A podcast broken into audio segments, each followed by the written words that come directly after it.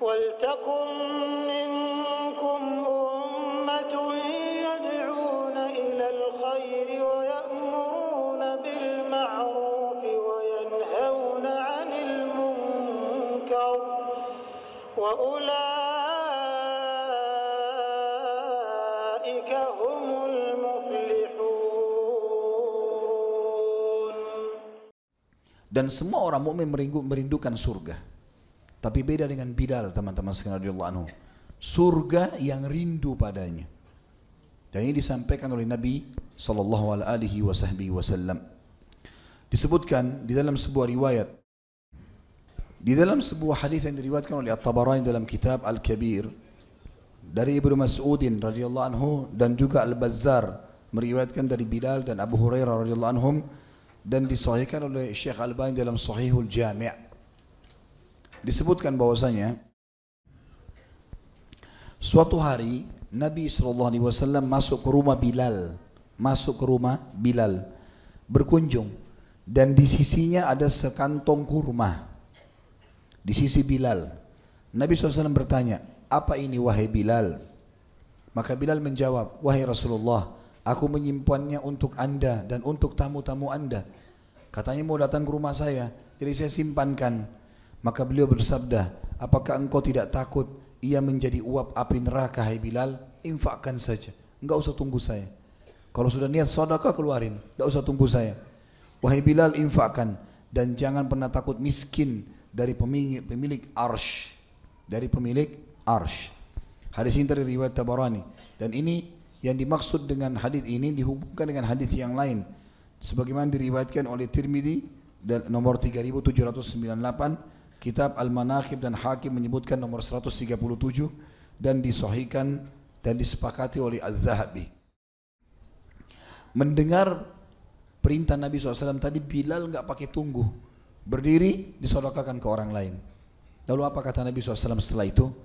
Beliau lalu menyampaikan berita gembira kepada Bilal sambil berkata ishtaqatil jannatu ila thalatha aliyin wa ammarin wa bilal sungguh surga itu merindukan tiga orang kita semua merindukan surga ini surga yang rindu bertemu dengannya. Ini bukan cuma sekedar jaminan masuk surga teman-teman sekalian. Artinya sampai surga sudah memohon kepada Allah agar meminta tiga orang ini segera dimasukkan. Ini adalah Ali bin Abi Talib, Ammar ibn Yasir dan Bilal bin Rabah. Dan Bilal salah satunya. Bisa dibayangkan bagaimana kalau surga sampai merindukannya. Kata penulis di sini, saya coba bacakan tulisannya cukup bagus. Bagaimana kedua kaki Bilal radhiyallahu anhu bisa menopang tubuhnya setelah meraih berita gembira tersebut untuk berjalan di muka bumi di antara manusia. Belum lama dari ini, Bilal hanyalah seorang hamba sahaya Habasyah.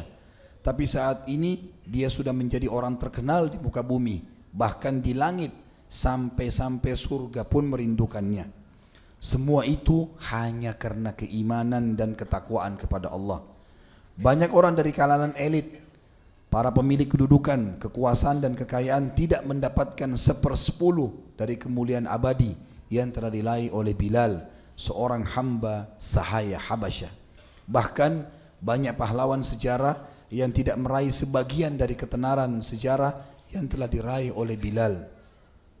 Kulitnya yang legam, nasab dan kedudukannya yang dianggap rendah dan remehnya dia di mata manusia, layaknya seorang hamba sahaya tidak menghalanginya ketika dia masuk Islam sebagai agamanya untuk meraih kedudukan tinggi yang dengan kejujuran, keyakinan, kesucian dan keluruhannya membuatnya layak mendapatkannya. Nabi SAW juga menguatkan tentang janji surga ini dengan menyampaikan kepada Bilal langsung kalau mendengarkan trompa sendalnya di surga. Kita dengarkan riwayat yang menyebutkan masalah itu dan hadis ini diriwayatkan oleh Ahmad nomor 360, Tirmidzi nomor 3689 dan Hakim menyebutkan nomor 285 serta Hakim mengatakan sahih sesuai syarat Bukhari Muslim dan keduanya Bukhari Muslim tidak meriwayatkan tapi disepakati oleh Az-Zahabi dengan kesahihannya. Di sini dikatakan dari Buraidah radhiyallahu anhu, ia berkata, Nabi SAW memanggil Bilal di depan para sahabat. Beliau pun bersabda kepadanya, Ya Bilalu bima sabaktani ilal jannah? Wahai Bilal apa yang engkau lakukan sampai kau bisa dahului aku di surga? Bukan cuma masuk surga dahului langkah kakinya Nabi di surga. Ini lafaz hadis begitu. Wahai Bilal apa yang kau lakukan sampai engkau mendahuluiku di surga. Inni dakhaltul jannatal barihah. Fasami'tu khash khashtaka amami. Waktu saya semalam dimasukkan ke dalam surga saya mendengar suara terompah sendalmu di depanku. Fa'ataitu ala qasrin min zahabin murabba'in. Lalu kemudian saya dibawa setelah itu ke sebuah istana yang sangat mewah dan istana itu berbentuk persegi Fakultu liman hadal qasr. Lalu aku berkata kepada para malaikat pemiliknya siapa istana ini? Qalu mereka berkata lirajulin min ummati Muhammad. Maka dijawab ini adalah pemiliknya salah seorang dari umat Muhammad sallallahu alaihi wasallam. Qultu fa ana Muhammad. Maka saya pun mengatakan saya Muhammad liman hadzal qasr. Siapa kira-kira akan dapatkan dari umatku? Qalu li rajulin minal arab ini adalah pemiliknya salah seorang dari turunan Arab. Qultu ana arabiyun. Maka Nabi SAW mengatakan saya juga turunan Arab. Liman hadal qasr? Untuk siapa kira-kira istana ini? Qalu li rajulin min Quraisy para malaikat mengatakan seorang laki-laki dari Quraisy qultu fa ana quraisyun saya juga dari suku Quraisy liman hadal qasr? Untuk siapa istana yang mewah ini? Karena mewah sekali. Qalu li Umar bin Khattab untuk Umar bin Khattab. Faqala Bilal ya Rasulullah ma adzantu qattun illa sallaitu rak'atain. Maka Bilal pun mengatakan ya Rasulullah yang saya lakukan tidak pernah saya azan karena perintah Nabi dia suruh dia di muadzin kemudian saya sholat dua rakaat kemudian saya udu kecuali saya sholat dua rakaat. Maaf dikatakan saya tidak pernah azan kecuali saya sholat dua rakaat setelahnya wa ma asabani hadathun qat illa tawaddatu indaha. Dan kalaupun saya batal udu maka saya selalu udu lagi dalam mengerjakan solat. Faqala Rasulullah sallallahu alaihi wasallam bihadza. Rasulullah SAW bersabda karena inilah kau mendahuluiku. Banyak ulama hadis merincikan masalah makna hadis ini. Yang pertama bukan berarti Bilal lebih baik daripada Nabi SAW karena tidak mungkin ada orang mengalahkan baginda Nabi SAW. Mustahil itu. Tapi di sini yang dimaksud dengan Nabi SAW engkau mendahuluiku artinya ada satu amal yang kau dahului mengerjakan. Maka kata Nabi SAW apa yang kau kerjakan? Bilal menjawab setiap kali aku selesai azan pasti sholat dua rakaat. Setiap kali aku batal wudhu aku wudhu lagi aku sholat dua rakaat. Maka Nabi mengatakan dengan inilah kau mendahuluiku. Makna hadis kata sebagian ulama adalah Bilal mengerjakan sholat sunnah wudhu waktu itu sementara belum ada perintah nggak ada perintah untuk itu nggak ada perintah untuk itu dia berusaha mengerjakannya dan ini teman-teman tidak masuk dalam perbuatan bid'ah kenapa karena Nabi SAW masih hidup. Dikatakan bid'ah kalau Nabi sudah meninggal. Selama Nabi masih hidup ini tidak masuk dalam perbuatan bid'ah. Karena wahyu lagi turun. Terbukti perilaku ini dibenarkan oleh Nabi SAW karena sesuai dengan wahyu. Sebagaimana juga kalau ada perilaku-perilaku sahabat tidak sesuai dengan wahyu Nabi SAW tegur, disuruh tinggalkan. Gitu kan? Jadi maknanya adalah sholat sunnah wudhu ini memang belum saya kerjakan. Kurang lebih begitu salah satu maknanya. Berarti di sini bukan Bilal mendahului Nabi SAW di surga berarti dia lebih mulia enggak. Tapi maksudnya adalah perilaku yang kau kerjakan Bilal, solat sunnah wudhu itu, itu kau mendahuluiku dalam mengerjakannya. Dan ini sekali lagi bukan bid'ah kenapa? Karena Nabi SAW masih hidup. Kalau Nabi masih hidup tidak ada perbuatan bid'ah. Karena bid'ah adalah apa? Yang tidak dicontohkan, yang tidak diajarkan Nabi SAW dan para sahabat dan para sahabat gitu kan setelah Nabi SAW meninggal hadis yang lain atau riwayat yang lain maaf riwayat yang lain diriwayatkan Imam Bukhari nomor 1149 dan Muslim nomor 2458 Abu Hurairah radhiyallahu anhu meriwayatkan bahwa Nabi SAW bersabda kepada Bilal pada saat sholat subuh. Selesai sholat subuh Nabi SAW mengatakan di depan orang semua Ya Bilalu hadithni bi arja amalin amiltahu fil Islam. Wahai Bilal, beritahukan kepadaku amalan apa yang paling bisa diharapkan dalam Islam yang telah engkau amalkan, yang paling besar pahalanya menurut kamu. Sami'tu daffana 'alaika baina yadayya fil jannah. Karena aku sempat diperdengarkan bunyi gerakan sepatu atau sepasang sandalmu di depanku di surga. Qal maka Bilal berkata, "Ma amiltu amalan arjah indi min anni lam atatahhar tuhuran fi sa'atin min lailin aw naharin illa sallaitu bidzalika tahuri ma kutiba li an usalliya." Bilal menjawab, aku tidak mengamalkan satu amalan yang menurutku paling bisa diharapkan, bisa paling menyelamatkan aku, melebihi bahwa aku tidak bersuci di malam atau siang hari, maksudnya wudhu.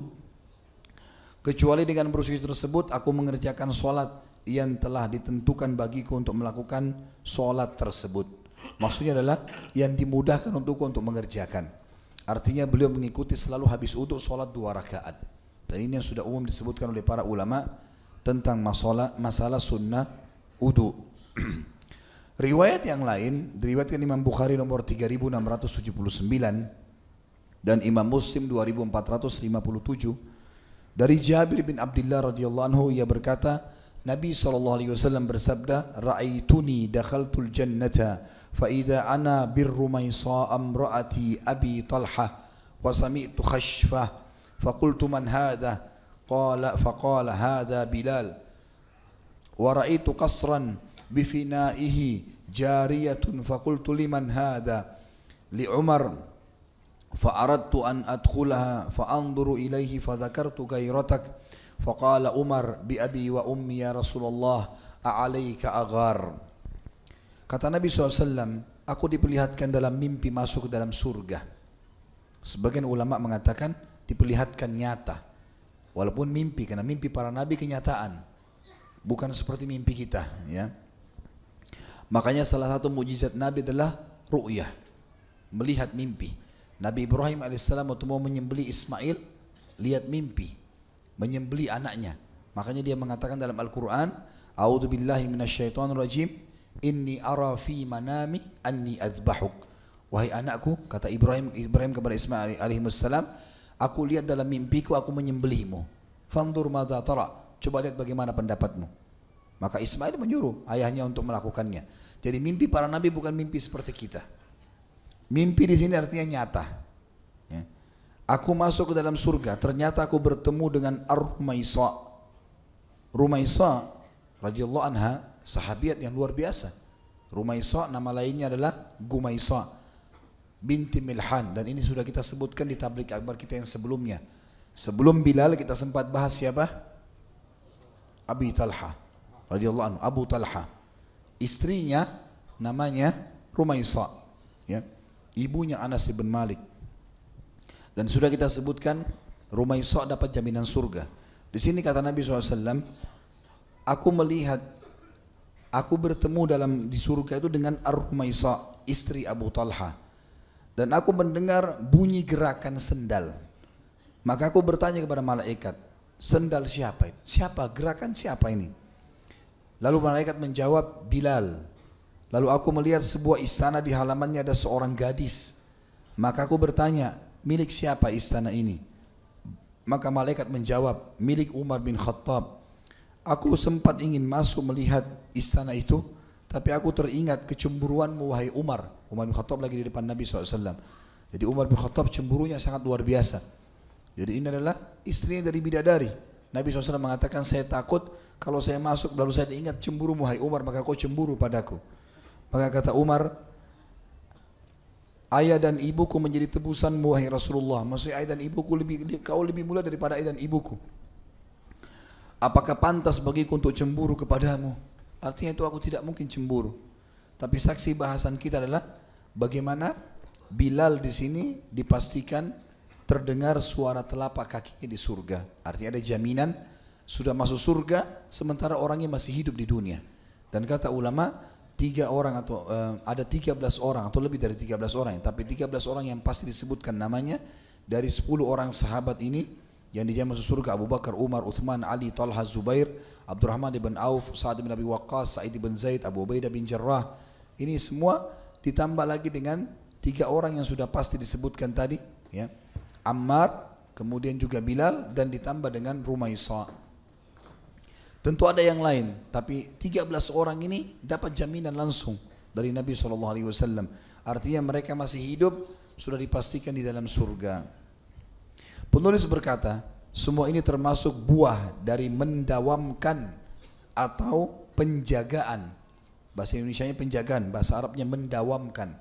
Artinya rutinitasnya, mendawamkan amal saleh, balasan suatu amal sesuai dengan jenis amal itu sendiri. Ibnu Hajar mengatakan dalam Fathul Bari rahimahullah, Sahih Bukhari, karena Bilal berjalan di hadapan Nabi SAW untuk mengumandangkan azan, dia meraih yang sepadan dengannya di surga. Namun hal ini tidak berarti bahwa Bilal masuk surga mendahului Nabi Wasallam, karena Bilal adalah pengikut beliau.